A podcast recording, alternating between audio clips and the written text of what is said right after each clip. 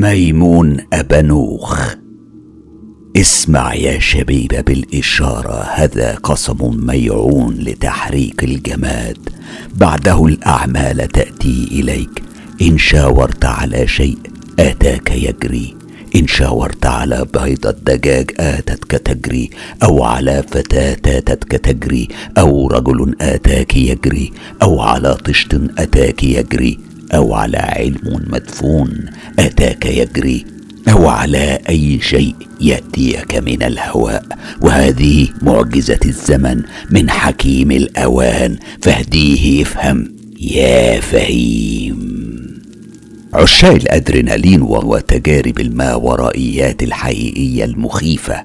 الليلة وجبة دسمة. مع ثلاث تجارب رعب حقيقية. عاشها أصحابها. وبيشاركونا بيها. لكن قبل كل حاجة خلوني أشرح لكم إيه اللي قلته في البداية. اللي قلته في البداية ده طلسم. طلسم من طلاسم تحضير الملك ميمون أبا نوخ. الحكاية كبيرة لكن ما تقلقوش أنا عدلت على الطلسم بحيث ما يشتغلش. أنا غيرت في بعض الألفاظ والمفردات فما فيش داعي للقلق.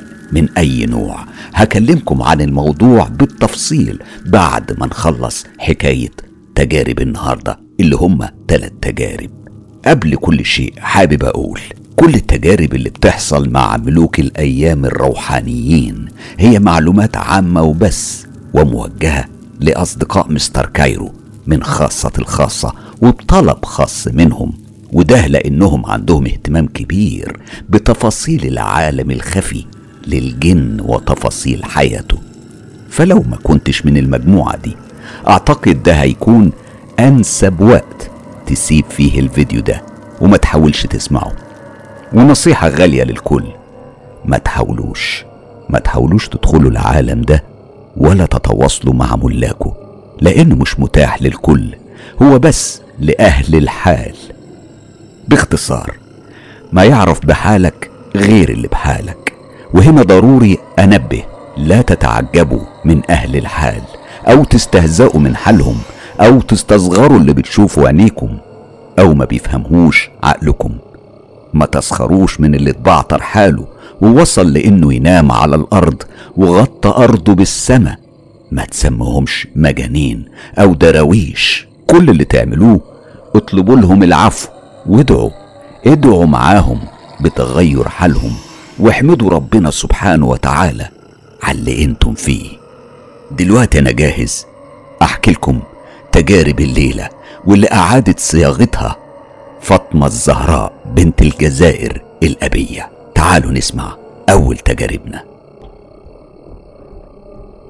أنا عاشق لقصص وحكايات الجن والماورائيات وعندي معاهم تجارب كتيرة قوي. بالتحديد بدأت من وأنا صغير. حاليا أنا عمري 38 سنة. بشتغل ممرض وصحيح قبل ما أنسى لازم أقول لكم على اسمي لأن أنا حابب كل اللي يسمعني يعرف أنا مين. أنا اسمي حاج علي.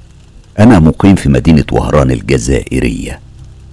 دلوقتي خلوني أرجع بيكم في الزمن لورا لما كنت في سن الأربع أو خمس سنين. في الوقت ده كنت بشوف حاجات غريبة وأحداث وأمور مش موجودة أصلا في الواقع أو على الأقل محدش كان بيصدق إن الحاجات دي موجودة. بكون صاحي مش نايم يعني زي ما بكون كده شايف حلم لكن عينيا مفتحين. وأنا قاعد بلعب أو باكل أو حتى بعمل أي حاجة. فاكر كويس في مرة من المرات دخلت عند جدتي وقعدت معاها في أوضتها زي عوايدي بس بمجرد دخولي ما بقتش بشوف الجدران ولا الأبواب ولا الشبابيك زي ما هي موجودة لا. أنا كنت بشوف نفسي كأني دخلت في غابة. كان فيها أشخاص شكلهم شكل المجرمين ماسكين أمي وبيعذبوها وهي بتجري عليا وتحضني وتقول لي ما تخافش يا ابني مفيش حاجة. وجريوا ناحيتنا وأخدوها وربطوها في شجرة وعذبوها. أنا كنت واقف ببص عليها وعاجز عن إني أعمل أي حاجة. صرخت اترعبت من المنظر اللي شفته. وهنا جت جدتي لحد عندي وبمجرد ما لمستني وندهت عليا لقيتني رجعت للواقع. لما حكيت لهم على اللي شفته هم شكوا إني ممسوس وأخدوني الشيخ عمل لي حجاب وأكد لهم إن عندي مس. وطلب منهم إنهم يحطوا الحجاب في مخدتي. وبقيت ما بحبش أنام إلا وأنا حاضن المخدة وما استغناش عنها. فضلت المخدة دي عندي لسنين طويلة قوي لغاية ما اتقطعت واترمت. موضوع الجن ده ما توقفش هنا لأني كنت بعشق قصصهم زي ما قلت لكم في البداية. كنت دايما بحب أقعد مع كبار العيلة وهما بيحكوا حكاياتهم في قعدات السمر كنت بسمع لها بتركيز عالي ولسه لحد النهارده بفتكر القصص دي خصوصا وأنا عارف إنها قصص حقيقية وأغلبها حصل في الجزائر. خلونا نرجع لورا شوية وأحكي لكم على حاجة تانية حصلت مع والدتي لما كانت صغيرة. هي كانت بتروح مع بنات الجيران علشان يلموا الحطب من غابة كثيفة الأشجار. كانوا بيضطروا يمروا في وسطها وفي وسط الغابة دي تحديدا كان فيه وادي فيه حيوانات برية. ما كان يعني ما كانتش بعيدة قوي عن المكان اللي بيسكنوا فيه. وفي مرة اتجمعوا زي عادتهم وتوجهوا هناك. كل واحدة فيهم كانت مركزة مع جمع كمية من الحطب اللي هم محتاجينه في بيوتهم.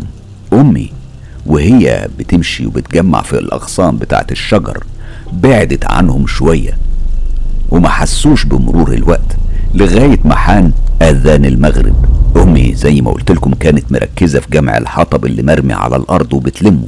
وفجأة حست بشخص واقف قدامها وكأنه جه من العدم. رفعت راسها لفوق شافت شخص طويل قوي وأسود حامل في إيديه عصاية كبيرة ولابس حلق في ودانه. الشخص ده كان بيبص لها بنظرة مرعبة كلها شر وعلى وشه ابتسامة عريضة كلها خبث. هي طبعا من قوة الخضة. رمت كل الحطب اللي كانت جمعته من إيديها وهربت على بيتها وهي بتجري. لما دخلت وراحت على جدتي بتحكي لها على اللي شافته وهي بتصرخ وبتعيط لدرجة إنها وقعت وكانت مريضة ومسكتها حمى شديدة وهلوسة. جدتي طبعا لما شافت كده عملت لها دواء خافض للحرارة وادته لها وارتاحت الحمد لله. لكنها بعد الواقعة دي ما رجعتش هناك تاني أبدا. في حادثة كمان حصلت لعمي هحكيها لكم وده تحديدا كان في الوقت اللي هو كان عنده حوالي 14 أو 15 سنة. هم كانوا ساكنين في الريف في منطقة جبلية. كان عمي بيطلع يرعى الغنم والمعيز في المكان هناك. ولما كان بيقرب وقت المغربية كان بيرجع على البيت ويدخلهم الزريبة. وهكذا يعني كل يوم بشكل روتيني بحت كان بينفذ نفس السيناريو.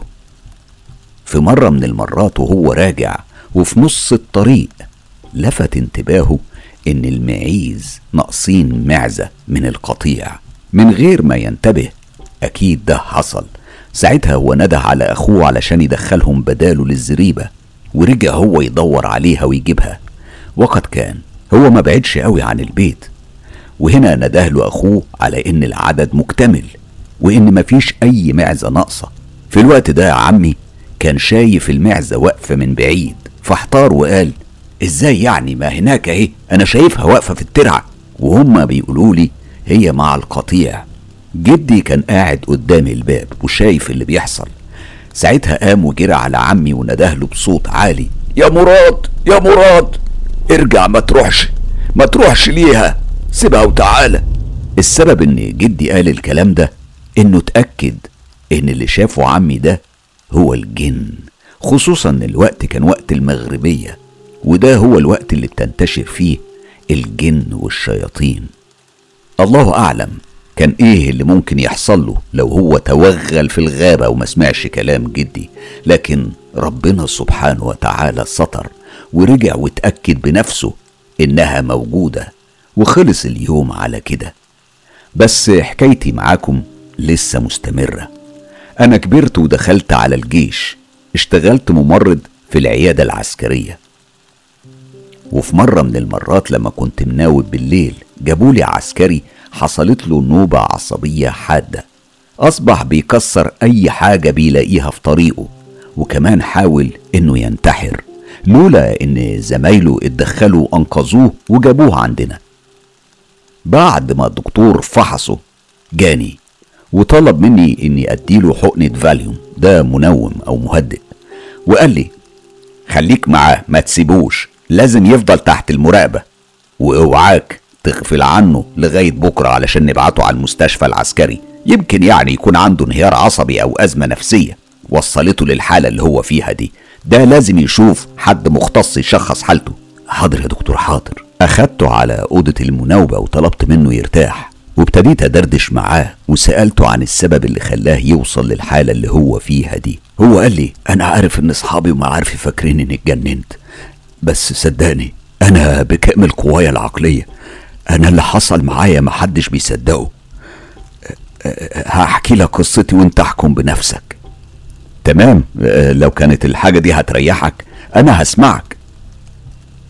أنا أصل أخويا عرفني على بنت كانت من واحدة من ولايات الجنوب في الجزائر يعني زي ما بنقول عندنا الصحراء.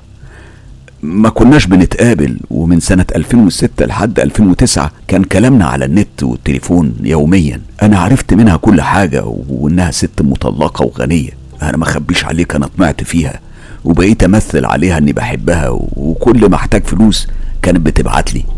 صراحة عمرها ما اتأخرت عن طلبي. وأنا كمان عرفتها على أهلي و... وعرفتها على إخواتي البنات. هي كانت بتتكلم معاهم بالتليفون وأنا كنت ببعت لها صوري كمان. كانت عارفة عني كل صغيرة وكبيرة. بعدها طلبت مني إني أتجوزها. قلت لها طب يعني عشان أتجوزك لازم أشوفك الأول وبعدها أقرر. بعتت لي صورها وبصراحة ما عجبتنيش لأنها ما كانتش جميلة بالمرة.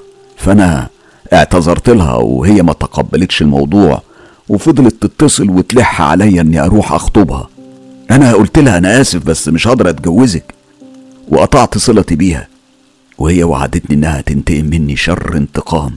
لكني ما حطيتش الموضوع في بالي وتناسيت الأمر لغاية ما في يوم لقيت تليفوني بيرن من نمرة غريبة.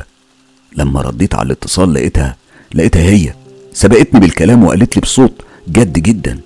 استنى ما تقفلش الخط في واحد عايز يكلمك. أنا قبل ما أرد عليها سمعت صوت راجل بيكلمني وبيقول لي أنت فريد؟ حياة عندي هنا وعايزك لأنها عايزة تعمل لك سحر. أنا كنت متسمر في مكاني وما قدرتش حتى إني أنطق بكلمة. هو كمل كلامه وهو بيقول أنا ساحر وأنت مش هتقدر تعمل حاجة. وبدأ يطرح عليا أسئلة وأنا لقيتني بجاوب من غير حتى ما أقدر أتحكم في نفسي وكأن الراجل ده مخليني مش قادر أتحكم في نفسي. كنت حاسس إني مسلوب الإرادة تماما. هو كان بيتحكم فيا بشكل غريب لدرجة إني ما قدرتش حتى إني أقفل الخط في وشه.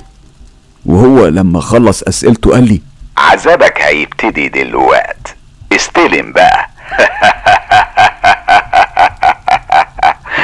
قفل الخط في وشي وفعلا من يومها بدأت معاناتي. أنا بقيت كل ما أروح على النوم أحلم بكوابيس كنت بشوف كلب ضخم أسود بيهجم عليا. ولما بصحى من النوم بحس إن وشي اتحول لوش كلب. ولما كنت أحسس عليه بإيديا بلاقيه فعلا وش كلب مش وشي مش وشي أنا لدرجة إني كنت بروح أجري للمراية. لكن لما ببص في المراية كنت بلاقي وش طبيعي. أنا اتعذبت قوي لدرجة إني بقيت دايما بشوف البنت دي في أحلامي بلاقيها جاية عندي وبعدين فجأة بتتحول لكلب وبتهاجمني بشراسة. كمان في الوقت ده بسمع أصوات جاية من أماكن مجهولة. الأصوات دي دايما بتهددني بالموت. لو ما رحت لهاش واتجوزتها. أنا في الآخر هربت من الثكنة العسكرية علشان أروح عندها فعلا. لكن لما افتقدوني طلعوا يدوروا عليا لغاية ما لقيوني ورجعوني معاهم وسجنوني. من وقتها بدأت تحصل لي نوبات غضب هستيرية وما بقدرش أتحكم في نفسي. بكسر أي حاجة قدامي وبضرب أصحابي ضرب مبرح. وللحظة دي أنا لسه بعاني.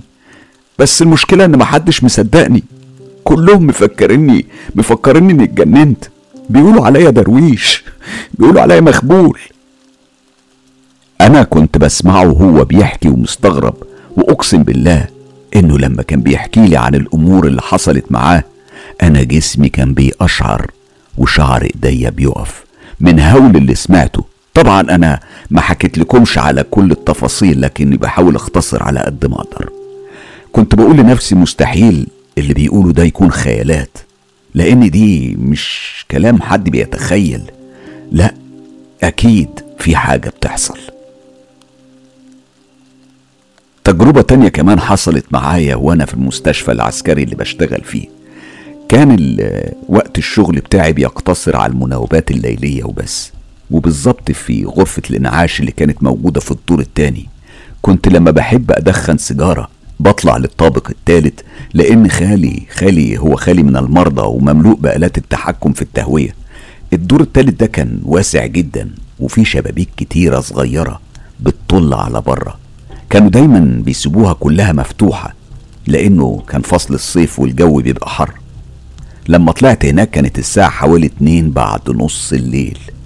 النور كان طافي والضلمة بتكسو المكان.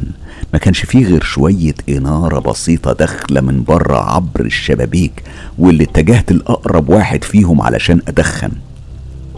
سحبت السيجارة والولاعة ويدوب قربت من الشباك لقيته اتقفل في وشي هو وكل الشبابيك التانية.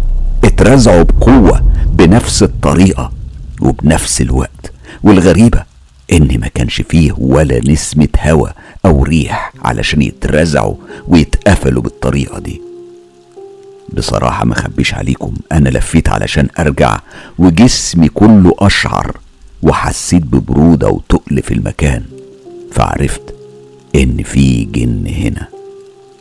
قريت آية الكرسي وطلعت وقعدت على السلم دخنت سجارتي ونزلت للطابق التاني. أنا بعدها طبعا غيرت مكان شغلي وادوني أوضة صغيرة خصوصا يعني إن الأوضة دي كانت هتبقى ليا لوحدي وبتتقفل بالمفتاح. يعني محدش يقدر يدخلها غيري أنا. الأوضة دي كانت في الطابق التالت. ولما بخلص شغل أو ما يكونش عندي أي حاجة أعملها كنت بطلع لها علشان أرتاح شوية. مرات كنت أقعد فيها بس ومرات أتسطح وأنام. وفي مرة كنت مرهق قوي لدرجة إني ما كنتش قادر أقف على رجليا لأن كان عندنا شغل كتير في اليوم ده وما خلصتش لغاية أربع الصبح. طلعت علشان أرتاح وللأسف كانت اللمبة محروقة ومحدش غيرها. فكنت مرات أولع شمعة أو أشغل كشاف التليفون لما عاوز أعمل أي حاجة. المهم خدت تليفوني ودخلت على مواقع التواصل شوية كده مع نفسي. بعدها قفلته ورحت على النوم. طلعت على السرير واتسطحت ولفيت على جنبي اليمين.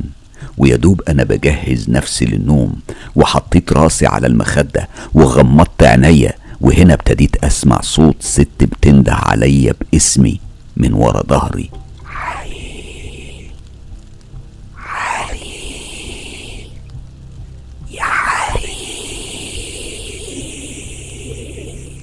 ثلاث مرات. فتحت عينيا وفضلت مبحلق ما ردتش ولا التفت للصوت ومكانه. أنا الأمور دي أنا عارفها كويس. يعني لما تحصل حاجة زي دي لأي حد دايما يكون لوحده. وفجأة يسمع أي صوت بينده عليه. أنا بقول ما تردوش على الصوت ده أو تلتفتوا وتبصوا لمصدره خصوصا في فترة الليل. لأن ده من عمايل الجن وغالبا هو ده من عمايل قبيلة أبانوخ. المهم تالت مرة لما ما ردتش عليها سكتت ونفثت ببقها بنفس قوي واختفت. أنا ما سمعتهاش تاني ونمت للصبح. خلصت ورديتي ورحت على البيت بعدها بمدة. آه اتفقت مع صديق ليا ان إحنا نروح البحر ونزلنا متأخر. كانت الساعة حوالي تلاتة أو تلاتة ونص الصبح. توجهنا عبر طريق جبلي. الطريق ده فيه غابة كثيفة الأشجار بعيد عن المدينة شوية. صديقي ده كان راقي وكان مدرب لرياضة الضرب بالعصا الشعبية. وأنا زي ما أنتم عارفين بعشق قصص الجن فاغتنمت الفرصة وبدأت أتكلم معاه عنهم. كنت حابب أسمع منه حكايات وحواديت ومعلومات وكده يعني وحكيت له على بعض المواقف اللي حصلت لي في شغلي. منها عن زميل ليا كان عامل مشرحة. في يوم ندهوا عليه علشان يطلع ينزل جثة ميت راح جاب الجثة اللي كانت فوق ونزل بيها على المشرحة لكنه لما وصل لنص المسافة الميت قام قعد على الترول اللي كان عليه وصديقي من الدهشة والرعب سابه وهرب وطلع يجري لفوق وبلغ الكل باللي حصل معاه ونزل هو والطبيب ولقيوا الجثة على حالها فحصوها وعرفوا إن صاحبها ما ماتش. ده بس كان مغمى عليه ونبضات قلبه كانت تقريبا منعدمة وعلى طول طلعوه لقاعة العلاج وقاموا بعلاجه والحمد لله. رد عليا صديقي وقال لي يا سبحان الله تصدق بالله لا إله إلا الله. لو قلت لك إن أنا اتخانقت معاهم كم مرة بالعصيان وبدل المرة عشرة كمان هتصدقني؟ أنا بالنسبة لي ده شيء عادي. طب آه وأنت؟ أنا اتفاجئت من الموضوع ده وقلت له والله إحنا يعني ياما شفنا عجايب يعني هي جت على الحكاية دي وبس. كملنا دردشتنا وإحنا ماشيين في الطريق. لغاية ما وصلنا لفوق الجبل. وقفت السيارة في مكان يكاد يكون منعدم الإنارة. وقفنا علشان نرتاح شوية قبل ما ندخل على البلدية اللي بنمر من خلالها للشاطئ. هنا لقيته بيقول لي تعال تعال هعمل لك رقية. حط إيده على راسي وبدأ في قراءة القرآن الكريم. وهنا أنا حسيت بحاجة بتقرب مني. لفيت راسي من جهة شباك العربية لقيت واحد قصير جاي ناحيتي. افتكرت إنه حد محتاج حاجة. لما شافنا يعني توقفنا جاي ناحيتنا. وصل لحد عندي ووقف. أنا قلت في نفسي أنزل أكلمه وأشوفه عايز إيه. لقيته اتحرك ومشى للناحية التانية وأنا ببص عليه لغاية ما توقف في الناحية التانية. واختفى. صاحبي كان مستمر في القراءة وما توقفش وكان مركز مع تصرفاتي وهو بيقرأ. وأنا كنت لسه مستني إنه يظهر تاني. قلت يمكن واقف ورا علشان كده أنا مش شايفه لكن ما كانش فيه أي أثر له. وبمجرد ما صاحبي خلص الرقية أنا شغلت العربية وقلت يا ساتر عقلي كان مشغول بالكيان ده اللي طلع لي. كنت بقول في نفسي مين ده؟ وجه منين؟ وراح فين؟ وإزاي اختفى في لمح البصر؟ أنا طبعا كنت على الحال ده. جيت افتح بقي واسأل صاحبي واعرف إيه اللي أنا شفته ده لقيته سبقني بالكلام وكأنه كان بيقرأ أفكاري وقال لي أنا شفت الشخص اللي جه جنبك على فكرة أنا عارف إن ده جن مش بشر لأنه لما قرب منك ما كانش له ملامح بالمرة ده اولا. ثانيا المكان اللي كنا فيه خالي تماما من أي تواجد سكاني حتى الإنارة زي ما شفت منعدمة. إيه اللي هيجيبه للمنطقة دي وفي وقت زي ده هناك؟ ثالثا الجهة اللي راح منها بتودي على البحر ومسلكها صعب وبعيد قوي خصوصا يعني لما بتحاول تمشي في الاتجاه ده لأن يعني زي ما أنت شايف المنطقة كلها جبال وفيها غابة كثيفة الأشجار والساعة كانت خلاص يعني داخلة بينا على أربعة الصبح وشوية. أنا فكرت في كلامه لقيت كلامه منطقي. أنا فعلا اللي أنا شفته ده مش بشر ده كان جن. كملت طريقي وفات اليوم على خير. الحقيقة أنا تجاربي كتير واللي شفته كتير. مشكلتي الوحيدة إن ناس كتير بتسمعني وبتفكرني بتخيل. بيقولوا عليا ممكن أكون درويش مع إني مش درويش ولا حاجة. الحاجات دي مش أنا بس اللي بشوفها في كتير زيي موجودين في كل حتة في العالم. بيشوفوا اللي البشر العادي ما بيشوفوهوش. مش عارف بقى دي نعمة ولا نقمة. تحياتي لجميع أصدقاء قناة مستر كايرو. بشكر صاحب التجربة المرعبة. هي مش تجربة واحدة هي مجموعة من التجارب برضو زي ما وعدتكم في آخر حلقة النهاردة. هحكي لكم عن ميمون أبانوخ وهحكي لكم عن أعوانه وشياطينه وكل المعلومات الخاصة بيه وبكل الجنود اللي بتشتغل معاه. وبيعملوا إيه في حياتنا؟ خليكم مكملين. هنسمع دلوقتي تجربة مرعبة ومخيفة برضو من إعادة صياغة فاطمة الزهراء. تعالوا نسمعها سوا.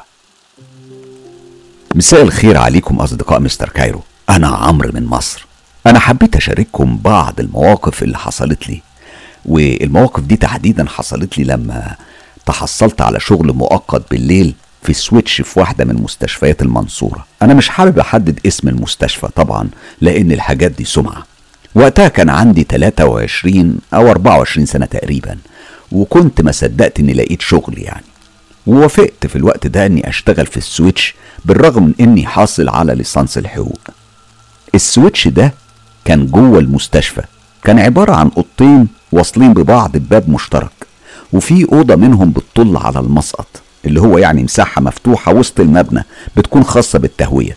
اللي عرفته بعد الحادثة اللي هحكي لكم عليها إن في كتير من المرضى رموا نفسهم من الدور الخامس وماتوا في لحظتها. طبعا أنا محدش كان جاب لي سيرة الموضوع ده قبل كده. المهم أنا أول ما دخلت وبما إني يعني جديد. طلبت من زميل ليا من بتوع الصيانة إنه يبيت معايا في أول وردية. أخدنا معانا بطانيات ورحنا على الأوضة اللي هنبات فيها. كل واحد فينا اختار له مكان وفرش بطانية على الأرض واتغطى بالبطانية التانية. أنا يا دوب حطيت راسي على المخدة وغمضت عينيا. لقيت البطانية بتتشد من عليا بالراحة. الموضوع ده ما حصلش مرة واحدة لأ. ده حصل مرة واتنين وتلاتة لحد ما نفد صبري. قمت ناديت عليه وقلت له يا جدع ما تشدش البطانية مش عارف أنام. لكني لاحظت إنه كان بعيد عني بمسافة فقلت يمكن يعني ما جالوش نوم فحب يهزر معايا. هنا سمعته بيرد عليا وبيقول بطانية إيه دي اللي هشدها من عليك؟ ولقيته لف وكمل نومه. أنا قلت في نفسي أهلا أهلا.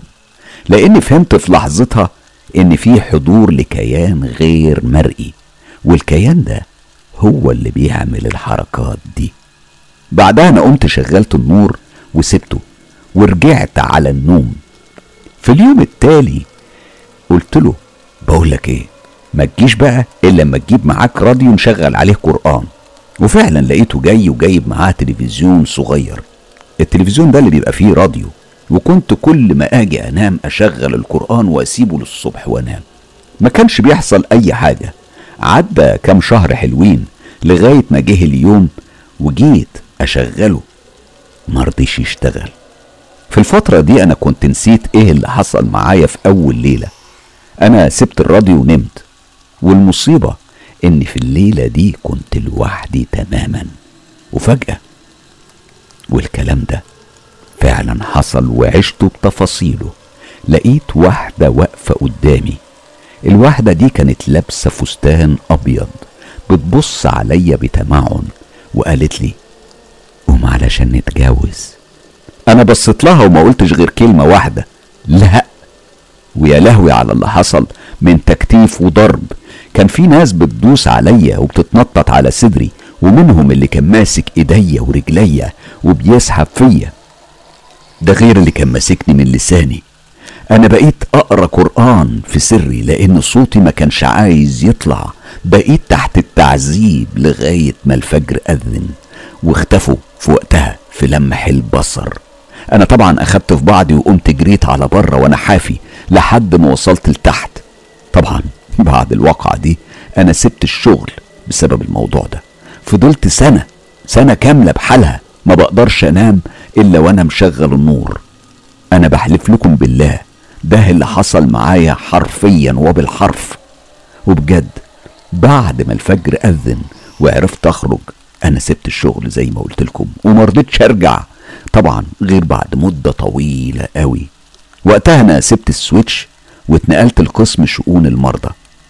كنت بشتغل تلات أيام في الأسبوع في استقبال المرضى أيام السبت والاثنين والأربع. إحنا كنا أربع زمايل كنا مقسمين الشغل ما بينا هما التلاتة من الساعة 8 بالليل لحد 2 الصبح بعد نص الليل يعني. وأنا بكمل لوحدي لغاية الصبح. كنت بحب أروح شغلي بدري نقعد سوا يعني ونجهز تذاكر الدخول للمرضى ونسجل بياناتهم ودفاتر السجلات الخاصة بالشغل زي الاسم والسن والعنوان وهكذا يعني. بعدها كنت بدخل أنام ساعتين وأقوم أكمل شغل.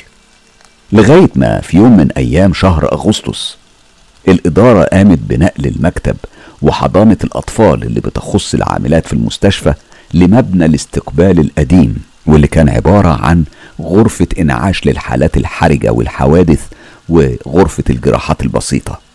طبعا المكان كان شغال استقبال طوارئ وتزفر من ريحة الدم وده شيء طبيعي. أنا ما كنتش حاطط في دماغي إن هتحصل لي حاجة أكتر من اللي حصلت لي يوم ما طلعت لي جنية عايزة تتجوزني وانضربت ضرب مبرح. أنا في اليوم ده خلصت شغلي وقلت أدخل أريح نفسي شوية. دخلت على المكتب وطلعت البطانيات وفردتهم على الأرض وقلعت القميص وعلقته. طبيعة المكتب إنه مليان ورق ودفاتر والمروحة طول الوقت شغالة عادي بس مفيش ورق بيتحرك من مكانه أو بيطير في الهواء. المهم أنا فرشت وهديت المروحة شوية واتسطحت وغمضت عينيا. أنا أول ما رحت في النوم كل الورق والملفات اللي موجودين فوق المكتب اترزعوا جنب دماغي. قلت يمكن من هوا المروحة قمت تاني وهديتها شوية وعلى أبطأ سرعة ورجعت أنام. بعد ما جبت الملاية وغطيت وشي بيها أنا نسيت صحيح أقولك إني اتصبت في رجليا من فترة وجيزة بقطع في الرباط الصليبي. ما كنتش يعني بعرف أتقلب وأنا نايم لأن ركبتي كانت بتعلق وتقفش. كان لازم أرفعها وألف نفسي وبعدين أنزلها. المهم أنا أول ما غمضت عينيا وحطيت الملاية على وشي اتشدت من عليا. أنا قلت والله أنا هنام يعني هنام. أنا كنت تعبان جدا وكنت متسطح على ظهري وقررت إني يعني قررت إني أقلب على الجنب فرفعت رجلي ولفيت بوسطي علشان أعدل نفسي. وقسما بالله العظيم رجلي فضلت متعلقة في الهوا ومش عايزة تنزل. بصراحة أنا اتضايقت حسيت إن في حاجة مش عادية في الموضوع. اتكلمت بصوت مسموع وقلت هو إحنا هنفضل كده بقى طول الليل ولا إيه؟ يا جماعة أنا عندي شغل. يا تسيبوني أنام يا تسيبوا رجلي. وأنا هقوم أخرج وأسيبكم. والله والله يا أستاذ حسام عايز أقولك إنهم سابوا رجلي. أنا قمت بكل هدوء فتحت النور وطبعا لميت الفرشة ولبست القميص وقلت لهم السلام عليكم اقعدوا بقى فيه لوحدكم. وأنا ما عدتش هنام هنا تاني ابدا. أنا خرجت من هناك وتوجهت على غرفة الاستقبال. شافني زميل ليا كان اسمه الحاج علي. ولقيته بيقول لي يا أستاذ عمرو ما نمتش ليه؟ حكيت له على اللي حصل معايا. لقيته بيقول لي أنا ياما قلت لهم إن في حاجات بتحصل هناك ومحدش صدقني ومن يومها أنا ما بدخلش المكتب ده أنام ابدا. أما بالنسبة لزمايلي التلاتة الغريبة إنهم كانوا بيناموا فيها عادي مع بعض. بس لما كنت أدخل عليهم أجيب الدفاتر كانوا بيقوموا مفزوعين وكنت بقول لهم على سبيل الهزار ما تخافوش ده أنا عمرو مش هما أنا بعدها اتجوزت من اخصائيه تمريض كنت بوديها الشغل وأرجع أخدها الساعة 8 هي كانت عايزاني أعرفها ال ICDL بالليل يعني بعد ما تخلص النبطشية. كنت ايامها واخد دورة في المواضيع دي وفاهم حاجات عن الكمبيوتر لكن ما كانش عندي جهاز في البيت. فقلت لها يوم النبطشية هجيلك بدري وهعرفك على جهاز الشغل. هي كانت شغالة في العناية المركزة العامة. هناك كان عندهم جهاز كمبيوتر في مكتب الأطباء جوه العناية. مكانه بقى بعد الباب الرئيسي على إيدك الشمال على طول. وبعدها العناية المركزة اللي كانت بتتوفر أيامها يعني كان بيبقى فيها 14 سرير و14 مريض تقريبا. والناس اللي شغالة في المستشفيات أكيد عارفة إن العناية المركزة ما فيهاش مرافقين للمرضى ولا زيارات. كانت الساعة حوالي خمسة المغرب ومراتي كان معاها اتنين من زمايلها. واحدة نزلت تصرف دم من بنك الدم والتانية دخلت تصلي في المخزن. وأنا ومراتي فضلنا في المكتب قدام الكمبيوتر علشان أعلمها تشتغل عليه إزاي. هنا هسألكم سؤال. أنتم عارفين إحساس إن أنتوا تبقوا مركزين في حاجة وتشوفوا بجنب عينيكوا إن في حد ماشي وجاي ناحيتكم. أكيد في كتير منكم حصل معاه كده. أنا كنت واقف ولقيت حد دخل من الباب وتوجه على مكان سراير المرضى. والمفاجأة مش هنا المفاجأة إن مراتي قالت لي "أه، ما تشوف مين ده اللي دخل على عشان يدخل على زميلتنا وهي بتصلي. أنا سبتها وقمت مشيت وراه ودخلت لفيت على 14 سرير. ما لقيتش غير المرضى كلهم وكلهم كانوا غايبين عن الوعي. في منهم اللي في غيبوبة واللي نايم تحت تأثير العلاج وفي منهم اللي حاطين له منوم. يعني ولا واحد فيهم كان صاحي. أنا استغربت. دورت في العناية كلها وما لقيتش الشخص ده. قلت بس ما فاضلش غير المخزن. أروح عليه وأمري لله. واضطريت ادخل وانده على زميلة مراتي اللي طلعت لي فقلت لها أه بقول لك إيه في حد دخل عندك؟ لا. علامات التعجب كانت واضحة على وشها. طب أه آه، تعالي. أخدتها ورحنا المكتب وقلت لهم شغلوا القرآن على التليفونات وأنا نازل تحت وهستناكم لغاية ما تخلصوا شغل. هم قالوا لي هو في إيه؟ قلت لهم مفيش. أنا مرضتش أخوفهم وما قلتش لمراتي غير لما روحنا. هنا لقيتها بتقول لي أنا عرفت اللي حصل هناك ودي على فكرة مش أول مرة. إحنا ياما شفنا في العناية. أنا طبعا كنت مصدقها لأن بالنسبة لي أنا لما كنت بشتغل في المستشفى كانت أيام بتكون للطوارئ وأيام ما فيش فيها استقبال خالص. مرة بقى كنت قاعد أنا والممرضات في قسم الطوارئ قدام أوضة الانعاش. الأوضة دي أوضة كبيرة ممكن يدخلها أربعة أو خمسة مصابين في الوقت نفسه. يوميها كان كل شيء عادي. مفيش شغل كتير الأوض كلها مقفولة ومفيش حد في الاستقبال غيرنا إحنا وبس. باب القاعة دي كان عبارة عن ضرفتين بعرض 3 متر وارتفاع كمان 3 متر تقريبا. سمك الضرفة الواحدة حوالي 3 سنتيمتر. أنا طبعا بوصف لكم شكل الباب علشان أعرفكم إنه من المستحيل إن الباب ده يتحرك أو يتفتح أو يتقفل لوحده. إحنا لما كنا قاعدين كنا قاعدين عاملين زي نص دايرة. أنا كنت قاعد مقابل الباب ده. الساعة كانت تقريبا تسعة بالليل. كنا بنتكلم وندردش وبنحكي يعني في أمور عادية عن مشاكل الحياة. مرة واحدة أنا شفت ضرفة الباب اتفتحت واتقفلت تاني. أنا فضلت أبص عليها وكنت بقول لنفسي يمكن بيتهيألي كملت دردشة مع الزملاء وما عدتش دقيقتين إلا وكان في حد ماسك أكرة الباب وبيفتح وبيقفل كذا مرة ورا بعض. على طول سألتهم هو في حد يا جماعة في أوضة الإنعاش؟ كلهم بصوا على بعض وردوا عليا بالنفي وبكلمة واحدة لا مفيش حد جوه. قلت لهم مش ممكن. أنا قمت فتحت الباب والنور وقلت لهم بقول لكم إيه قوموا اطلعوا السكن ولو لقيت حاجة هرن عليكم تنزلوا. هم استغربوا من كلامي وسألوني ليه هو في إيه؟ قلت لهم أنتوا بس اسمعوا كلامي اطلعوا خلاص. أنا ما قلتش أي حاجة تانية وطلعت قعدت بره مع أفراد الأمن لحد الصبح.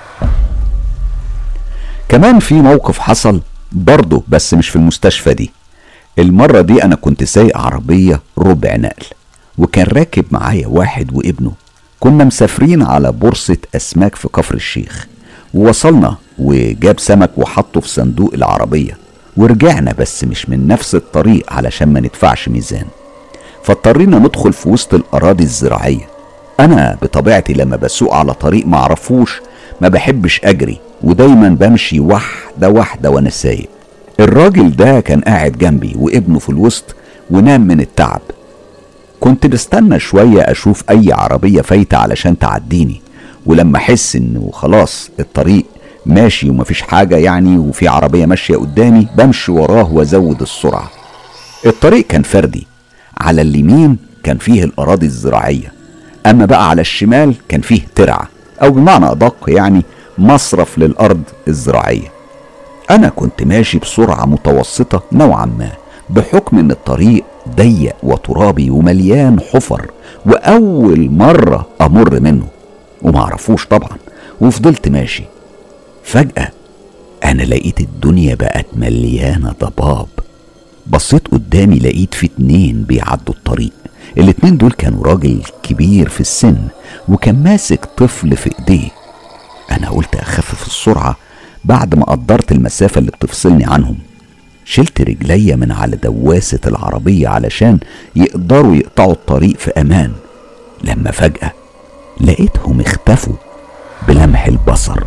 لما وصلت للمكان اللي كانوا معديين منه بعد ثواني ومريت من عليه أقسم بالله العظيم إني حسيت نفسي إني دست على حاجة بالعربية واتنفضت في مكاني لحد ما دماغي خبطت في سقف الكابينة بتاع العربية. أنا كنت بحلق شعري زيرو من سنة 2004 والله والله زي ما يكون شعري طلع وسمعت طقطقته. وبيني وبينك أنا قلت في نفسي إن ده ما حصلش وإنه بيتهيألي. مديت إيديا وطلعت سجارة. لسه هولعها. نطق الراجل وقال لي أه أه أه أنت خدت بالك من اللي كانوا معديين صح؟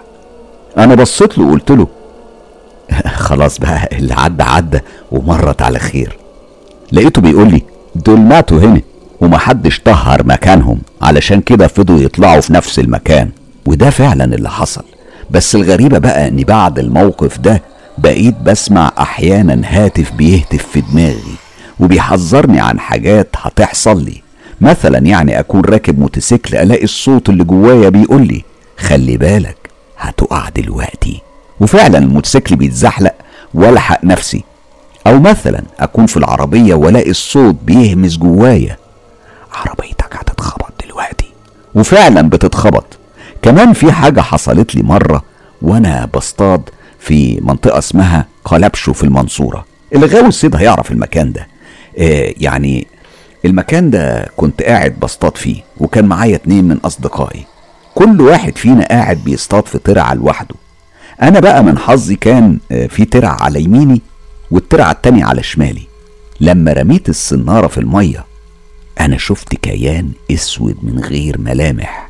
الكيان ده شكله كان أشبه بالإنسان البالغ قاعد على يميني وبيبص عليا.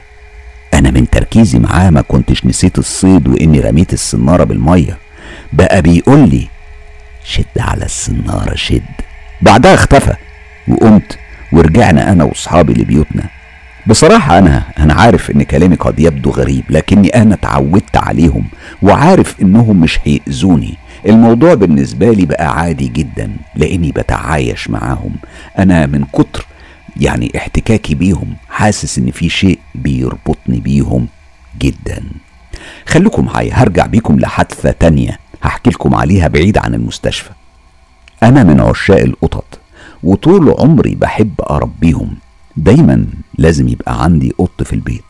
من حبي ليه ما كنتش بتعامل معاه على إنه حيوان لأ أنا كنت بعامله كأنه طفل معانا في البيت وكنت بدربه وأعرفه اسمه وبعض الأوامر زي اقعد أو نام أو تعالى علشان تاكل اسكت ما تلعبش.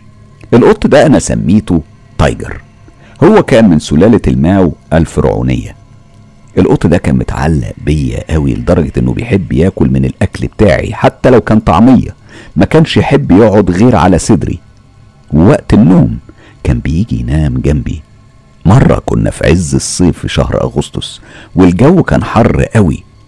رحت للصالون وقعدت على الأرض وسندت ظهري على الكنبة وشغلت التلفزيون وهنا جه تايجر اتمسح فيا وطلع قعد على صدري شوية لكنه ما تحملش لشدة الحر. فشلته بإيديا وقلت له اسمع الجو حر تعال اقعد جنبي أحسن.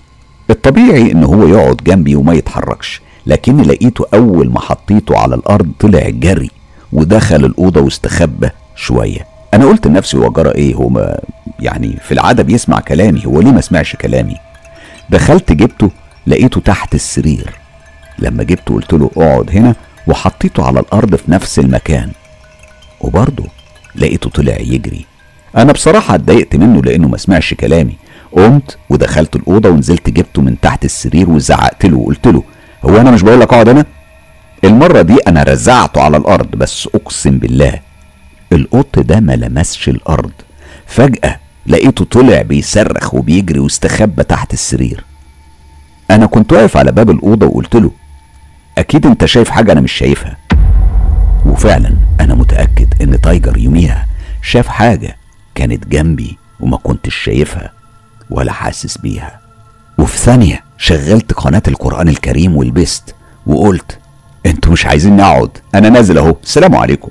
أخدت في بعضي ونزلت وطبعا ما قلتش لأمي الله يرحمها حاجة لأني كنت بقضي معظم الوقت بره البيت وهي بتفضل لوحدها فسكت علشان هي ما تقلقش ولا تخاف.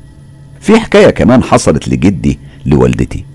إحنا زي ما أنتوا عارفين وواضح من حكايتي إن إحنا من المنصورة وإحنا من المنصورة نفسها. وكانت زمان المنصورة فاضية مش زي دلوقتي مليانة عمار وناس. ما كانش يعني شارع البحر زي دلوقتي هو كان يدوب شارع المدير. وفيلا غيث اللي الكل بيعرف إنها فيلا مسكونة. أنا عندي 43 سنة ومن يوم ما وعيت على الدنيا وإحنا عارفين إن فيلا غيث دي فيلا مهجورة ومسكونة ولحد دلوقتي الفيلا دي موجودة. المهم جدي كان سهران مع مجموعة من أصحابه سهراتهم غير سهرات اليومين دول. يعني بيتلموا يقعدوا يتكلموا يشربوا شاي وشيشة ويخلصوا سهرتهم وبعد كده بيروحوا لبيوتهم. لحد ما وصلوا على نقطة الافتراق. كل واحد فيهم كان ياخد طريقه لبيته.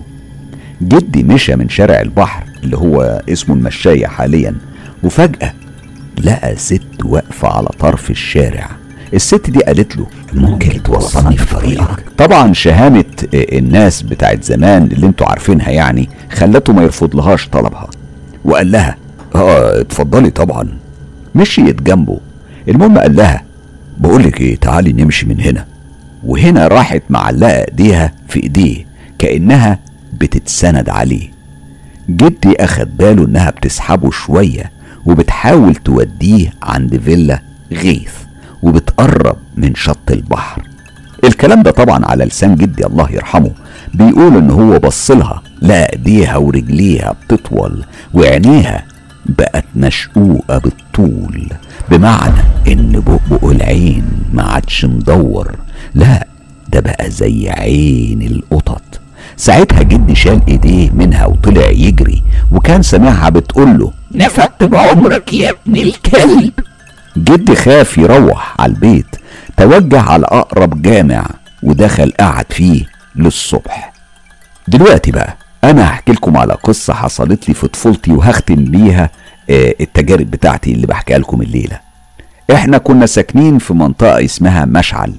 جنبنا بحوالي 500 متر كان فيه نادي المنصورة الرياضي واللي ما كناش عارفين وقتها وإحنا عيال إن مساكن مشعل ونادي المنصورة كان مكانهم فيه ترب يعني كان في مدافن هناك قبل ما يعملوا مدافن العيسوي حاليا. وطبعا أهالينا كانوا مخبيين علينا الموضوع ده لغاية ما كبرنا. اللي من المنصورة وبيسمعنا النهارده هيعرف الكلام ده. المهم يعني كنا بننام من الساعة 8 لبعد نص الليل. ولحد الفجر كنا دايما نسمع الحلل في المطبخ تتخبط وتترزع. كأن في حد في المطبخ بيجهز أكل. أنا كنت بروح أصحي والدتي وأقول لها على اللي أنا بسمعه كانت تقول لي ما تخافش. الهوا هو اللي بيخبطهم. طبعا زي زي أي طفل كنت بصدق أمي وأرجع أنام تاني. لحد ما بدأت أحلم حلم مزعج والحلم ده بدأ يطاردني كل يوم بنفس التفاصيل اللي هحكي لكم عليها لأني لحد دلوقتي ما نسيتهوش. كنت بشوف نفسي إني بلعب كورة مع أصحابي في الشارع والوقت سرقنا لحد ما الدنيا ضلمت وخلاص كل واحد هيروح على بيته. أنا كنت ساكن في الدور التاني يعني يدوب أخش من مدخل العمارة وأطلع أربع سلمات ويظهر لي كيان لونه أسود وضخم بهيئة بني آدم كان بيقف قدامي ويضربني بالبوكس في بطني وأول ما أعيط بيختفي واطلع للبيت واصحى من النوم حاسس بوجع جامد مكان الضربة. من كتر ما بيتكرر أنا زهقت لدرجة إني بقيت بكره النوم علشان ببقى عارف إنه هيطلع ويضربني. لحد ما في يوم اختلف الحلم واتطور وزادت فيه تفاصيل تانية. كنت بشوف إني لعبت كورة وخلاص هروح ووصلت لحد البيت وما دخلتش. لا أنا قعدت وأنا ساند على عمود النور قدام البيت وهنا العمود كلمني وقال لي بتعيط ليه؟ قلت له عايز أطلع وخايف من الشيء اللي بيطلع لي كل يوم ويضربني. وأنا زهقت منه. لقيته نزل سلك كهرباء وقال لي خده معاك. قلت له لا ما أنا هتكهرب. قال لي لا مش هيكهربك خليه في إيديك ورا ظهرك علشان محدش يشوفه. وأول ما الشيء ده يجي علشان يضربك كهربه في إيده بالسلك قبل ما يلمسك هيختفي على طول. أنا فعلا صدقته ودخلت المدخل وطلعت الأربع درجات من السلم وهنا ظهر وهو بيضحك ضحكة كلها خبث وأول ما حاول يضربني أنا طلعت السلك وكهربته. من يوميها اختفى ومن يوميها ما شفتوش. وما عنديش أي تفسير للحلم ده لحد دلوقتي.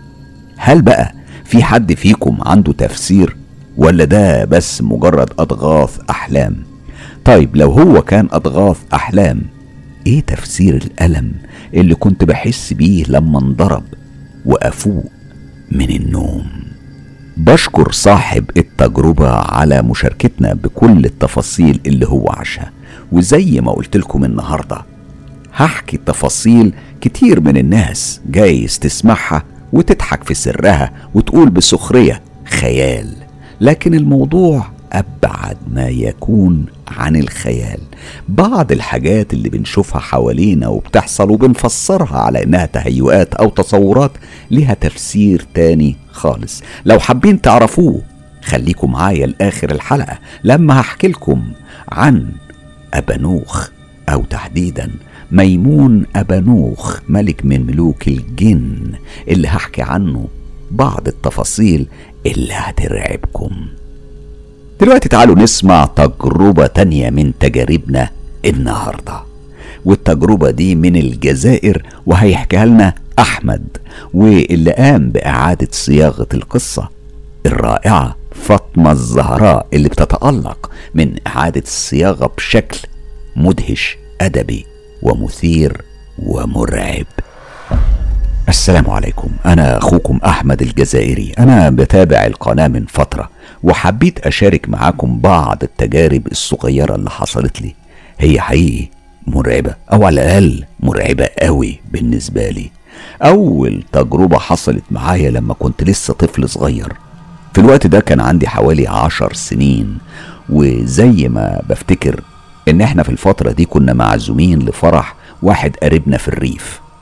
إحنا لبينا الدعوة وحضرنا الفرح ورجعنا أنا وبابا وماما للبيت بالليل. لما وصلنا ودخلنا على العمارة وكل شيء كان عادي طلعنا على الشقة وغيرنا هدومنا. أهلي راحوا على النوم في أوضهم وأنا قررت إني أنام فوق الكنبة اللي كانت في أوضة الضيوف. أنا كنت بحبها قوي الأوضة دي علشان واسعة وبحس فيها بالراحة. أنا طلعت فوق الكنبة واتسطحت غطيت نفسي ورحت في النوم شوية. معرفش ليه فتحت عينيا تاني واتفاجئت إن في مخلوق في الأوضة. المخلوق ده وقف وبصلي لما حس إني شايفه ثبت في مكانه. شكله كان شفاف أو غازي أو زي الخيال الأبيض. أنا مش عارف أوصف لكم إزاي لكن ده هو أقرب تشبيه ليه هو كان مظهره جميل مش مخيف بالمرة. وشه كان أبيض كان لابس هدوم كأنها مصنوعة من حرير وقبعة مرصعة بالأحجار الكريمة زي الياقوت والزمرد والألماظ. كان جسمه بيبدأ من الركبة لفوق. يعني أنا ما كنتش شايف له رجلين أو سيقان زي البشر. رفع إيديه اليمين وحياني. العجيبة أقسم بالله العظيم إني ما كنتش حاسس بالخوف من شكله لأنه ما كانش بيخوف لكني كنت خايف من ردة فعله لما عرف إني كنت شايفه. أنا خفت إنه يعمل حاجة أو يأذيني فضلت متسمر في مكاني وأنا مندهش. وللحظات حسيت إنه فاهم أنا كنت بفكر في إيه. بعدها لقيته لف علشان يكمل طريقه ودخل في الحيطة.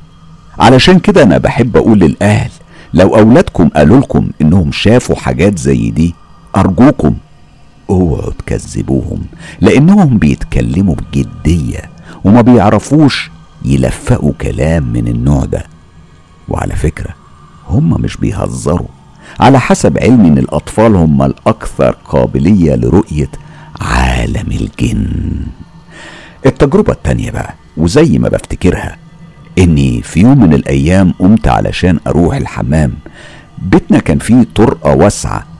على الشمال منها كان فيه كنب.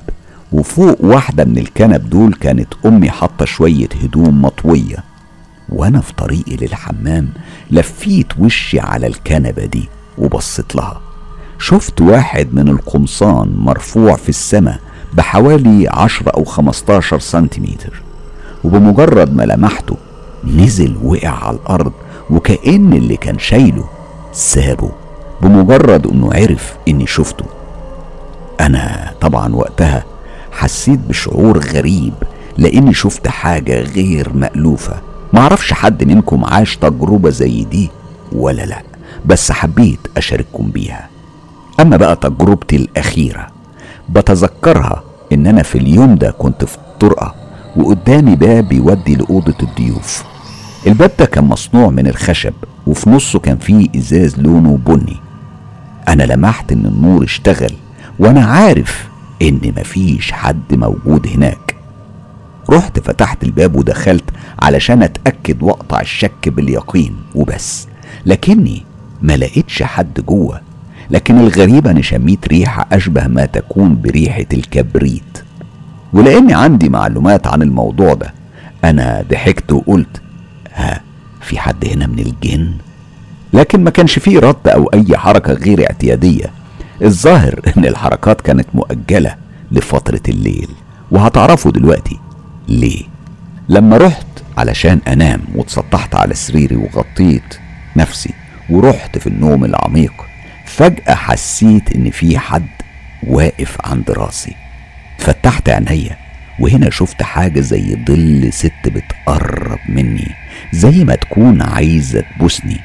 أنا عارف إن الموضوع قد يبدو غريب حبتين عند البعض منكم بس أقسم بالله ده اللي حصل. بعدها نطقت الجنية وقالت لي أنا بحب أبوس البشر وهم نايمين. أنا قمت من النوم وقعدت على سريري كلمتها بصوت هادي وسألتها أنت مين؟ هي ردت عليا أنا من عمار البيت. وسألتني إذا كان ممكن أسمح لهم إنهم يستنوا هنا في البيت ده.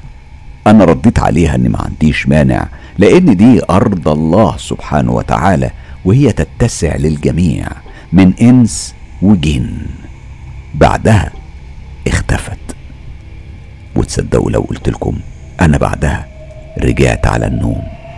حاجة واحدة عايز أختم بيها تجاربي. هو إني مش بتعامل مع الجن لا من قريب ولا من بعيد. والتجارب دي حصلت معايا بمحض الصدفة. أنا بشكركم لحسن إصغائكم. أخوكم أحمد الجزائري. بشكر أحمد على مشاركته لينا بتجاربه.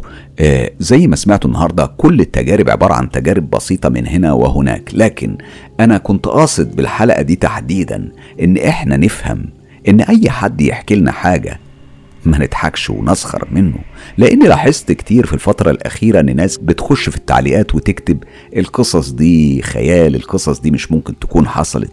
لكن صدقوني اللي بيحصل حوالينا أكبر من استيعابنا. اللي بيحصل حوالينا مخيف فعلا. وده السبب إن أنا حابب النهارده أكلمكم وأحكي لكم عن الملك ميمون أبانوخ. مين هو؟ هو أقوى الملوك الأرضية. هو بيحب لبس الأحجار الكريمة معروف جدا حسب الروحانيين بقوته وشراسته في الحروب. هو مشهور بتاجه اللي بيلبسه دايما وبيلبس كمان رداءين حسب الأوصاف اللي وصلتنا من خلال كتب الروحانيين. الرداءين بيبقى لونهم أبيض وعلى فكرة هو أقوى من أي مارد أو عفريت أو أي جن على وجه الأرض. بيقال إنه بيعيش في بابل. مهم جدا إن إحنا نفهم إن العالم اللي حوالينا ده مش بس فيه أبانوخ لا ده عالم فيه كيانات كتيرة جدا. أنا حابب إن أنا بس ألقي الضوء على بعض المسائل اللي البعض بيسخر منها. على فكرة أنا عايز أقول لكم احمد ربنا سبحانه وتعالى على اللي أنت فيه وتعلم شيء واحد. كل مخلوق هتشوفه بعينيك مهما كان حاله. ربنا ما خلقهوش عبثا وتواجده في المكان اللي انت شفته فيه ما هوش صدفة ولا شيء اسمه الصدفة في الكون ده لأن كل شيء في الكون موجود بحسبان ومقدار ومقدر في ميزان.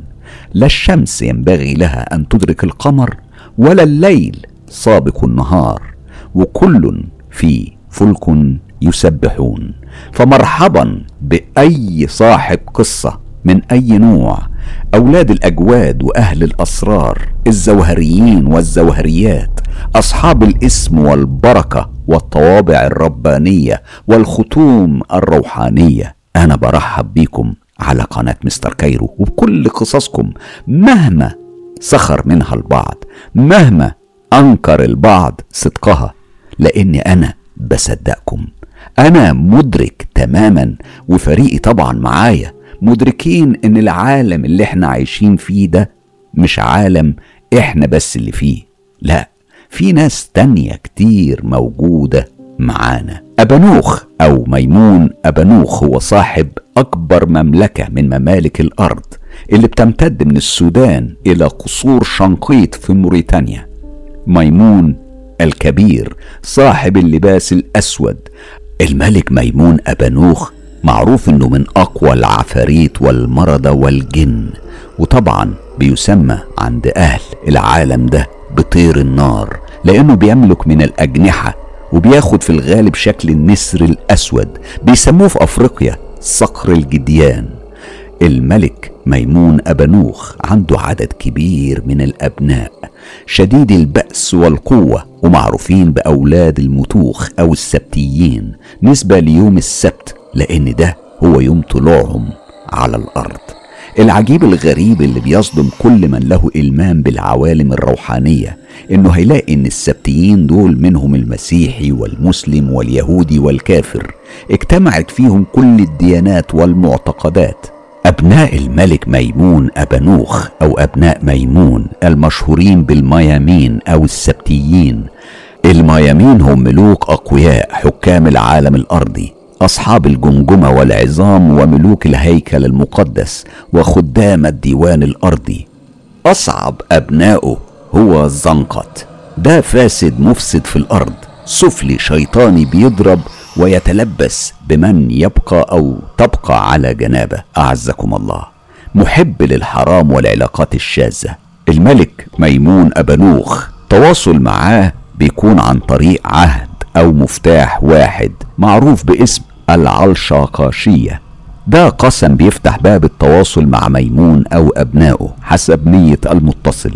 غالبا لا ينزل الملوك مباشرة للمتصل بيهم لكن بينزل فقط خدامهم وهم بالملايين. بينزلوا في صفات مختلفة. هم أقوياء وخطيرين وخدمتهم رغم إنها سريعة لكنها ليست سهلة. أنا حابب بس أوضح إن كل دول سكان عوالم متداخلة مع عالمنا. علشان كده لما حد يحكي لك حاجة ما تسخرش منه. أنت ما تعرفش مين حواليك دلوقتي. مين ممكن يكون جنبك بيسمعك أو بيهمس في ودانك. أرجوكم تعاملوا برفق مع كيانات العالم الآخر. في فقرة تعليقات النهاردة وهي من الفقرات المحببة كتير لمتابعي قناة مستر كايرو. ياقوت بالخير بيقول نعم إنه حمو أبانوخ الشيطان الزاني الذي يحب العربدة والدم.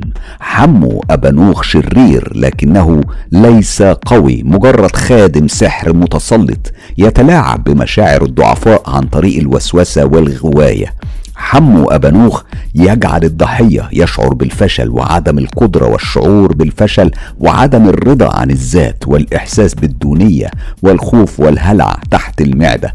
حمو أبانوخ خبير في العقد يعرف كيف يعقد الأعصاب الحسية. حتى يكتئب حتى يكتئب الضحية اكتئابا حادا فيقدم على الانتحار في بعض الأحيان أو ينتقم من نفسه أو يتقن أو ينتقم من أقاربه. حمو أبانوخ لديه الكثير من نقاط الضعف.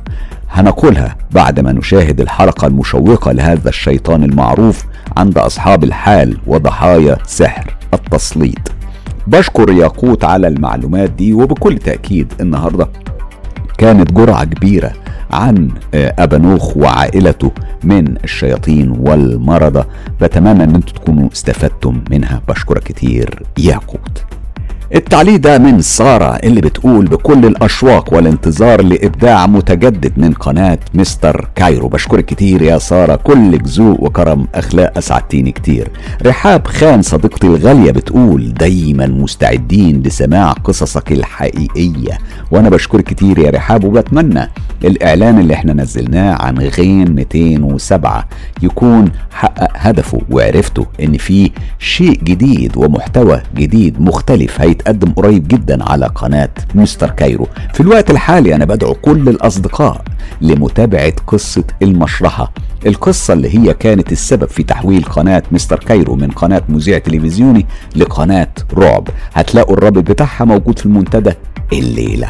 بشكرك كتير رحاب خان صديقتي الغالية.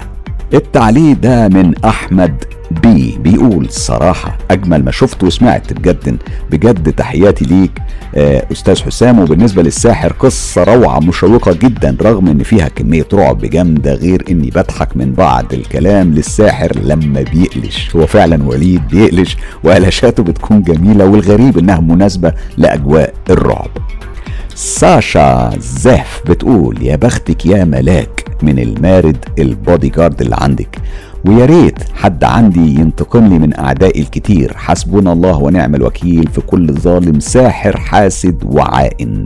أنا بتفق معاك يا ساشا وفعلا آه بنتمنى إن إحنا دايما نلجأ بس لربنا سبحانه وتعالى مش لحد تاني. أم أنس صديقتي المغربية الغالية اللي بعتز جدا بصداقتها وبمتابعتها لقناة مستر كايرو بتقول على آه، حلقات مستر كايرو وتحديدا الحلقة بتاعت الليلة. والآن حان موعد الاستماع والاستمتاع. بشكرك كتير أم أنس صديقتي الغالية. نبيلة بتقول طبعا مستنيينك يا عملاق الرعب خلاص أصبحنا مدمنين على قناتك وأصدقائك وصوتك وكل شيء. تحياتي. بشكرك كتير يا نبيلة وسعيد جدا بتعليقك الجميل. فاطمة صديقتي الليبية الغالية بتقول طبعا إحنا في الانتظار القصص بصوت مستر حسام.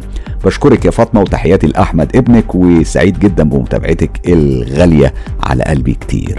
مصطفى يوسف صديقي الغالي بيقول الحلقة متعة وإبداع ما بعده من إبداع. أحسنت ثقافة وتحضر النشر مستر وليد جمال الساحر والأساتذة رشا السندريلا والقبطان محمد من نجاح إلى نجاح بإذن الله تعالى ورحمته. بشكرك كتير مصطفى يوسف صديقي المحترم اللي بعتز بيه كتير جدا. جليلة سميري بتقول مساء الخير. عائلة مستر كايرو ولا أنسى الأستاذ المميز والمبدع دائما وليد وكل أسرة مستر كايرو. بشكرك كتير يا جليلة على تعليقك الجميل ومتأكد أن وليد هيبعت لك كل التحية من خلال الكومنتات. بشكرك كتير على متابعتك. أم يوسف بتقول نحن يوميا في الانتظار يا مايسترو الرعب. بالتوفيق يا رب. بشكرك كتير يا أم يوسف. وننقل على صديقي المحترم الغالي التونسي اللي بعتز جدا بصداقته المقيم في باريس. العسكري حاتم اللي بيقول بصدق. عندك خيال إبداع في البوستر رائع جدا ومن العنوان نستعد لرفع الأدرينالين حتى النخاع. سهرة ممتعة جدا لعيلة مستر كايرو دايما متألق وناجح ولكل المجموعة التي تعمل معك. أنا بوجه لهم التحية بشكرك كتير العسكري حاتم. أسعدني كتير مشاركتك وتعليقك الراقي. مستر كاسبر بيقول الحلقة دي هتكون مثيرة للجدل ولا يخلو الأمر من الرعب المشوق بصوت العراب. بالتوفيق يا مستر كايرو. هو طبعا بيتكلم على حلقة الليلة اللي سمعناها سوا وأتمنى أنها تكون عجبتكم. تحياتي لكاسبر صديقي الغالي اللي بعتز بوجوده وبتعليقاته الجميلة. فاتن الحسناوي من العراق. صديقتي الغالية بتقول في الانتظار إن شاء الله ودايما يا فاتن بستنى تعليقاتك الجميلة وبشكرك كتير بوجه لك التحية ولكل أصدقائي الغاليين اللي بحبهم في العراق. آه ليلى ورحاب وفاتن مجموعة كبيرة الصراحة ومحمد قاسم عالم الأحجار القديمة اللي بعتز جدا بصداقته وبتعليقاته الجميلة اللي بيسعدني بيها دايما. بكده نكون وصلنا لنهاية فقرة التعليقات النهاردة. بفكركم مجموعة جديدة من الأفكار بنحاول نقدمها من خلال من خلال قناة مستر كايرو زي الفكرة الجديدة اللي هنبدأ نقدمها قريب وهيكتبها لنا الساحر وليد جمال اللي هيعيد صياغة غين 207 طبعا كل الناس بتسأل إيه هي غين 207 أكيد سمعتم عن قصص الغرفة 207 للكاتب أحمد خالد توفيق اللي يعني أبدع في كتابة هذه الرواية واللي مقتبسة أحداثها من قصة ستيفن كينج الغرفة 1408 والحقيقة آه، غرف الفنادق ليها أسرار وليها أفكار مش ممكن تخطر على بال بشر. وده تحديدا اللي وليد هيعمله من خلال غين 207 اللي هيكون آه، اقتباس عن أحمد خالد توفيق وهيكون لأول مرة مستر كايرو ووليد جمال بيتقابلوا سوا في عمل من أعمال أحمد خالد توفيق على قناة مستر كايرو فقط وحصريا. أتمنى إن العمل ده ينال إعجابكم. دلوقتي قولوا لي ليه تشترك في قناة مستر كايرو؟ أنا هقولك علشان توصلك آخر المعلومات اللي ممكن تفيدك وتحميك من عالم السحر والسحرة وعلى فكرة مش هتحميك انت وبس هتحميك انت وأسرتك والناس اللي بتحبهم. كمان هتخليك ملم بعالم الجن والعوالم الغامضة اللي بتشاركنا حياتنا. اسمعوا لو عندكم تجارب حقيقية زي اللي سمعناها النهاردة حصلت معاكم أو مع حد من أصحابكم وحابين تشاركوا بيها أصدقاء مستر كايرو ابعتوا التجارب على الصفحة الرسمية للإعلامي حسام مصباح على موقع التواصل الاجتماعي فيسبوك. طبعا لو حابين تتواصلوا مع مستر كايرو بشكل مباشر ده بيكون عن طريق تطبيق تيليجرام. كل الروابط هتلاقوها تحت هنا شايفين؟ تحت. في خانة الوصف. وللحصول على كل الحصريات الخاصة بالقناة. سهلة جدا. انضموا ل group تجربة رعب مستر كايرو ده موجود على فيسبوك. كمان في صفحة هستيريا قصص رعب ولو حابب تدعم تجربة مستر كايرو ده هيسعد فريقنا كتير. ادعمنا بالاشتراك في القناة والإعجاب بالكليب. طبعا لو عجبكم وشير الكليب في كل مكان. واتساب ماسنجر إنستجرام. أخيرا يوتيوب. خلي الدنيا كلها تعيش تجربة مستر كايرو.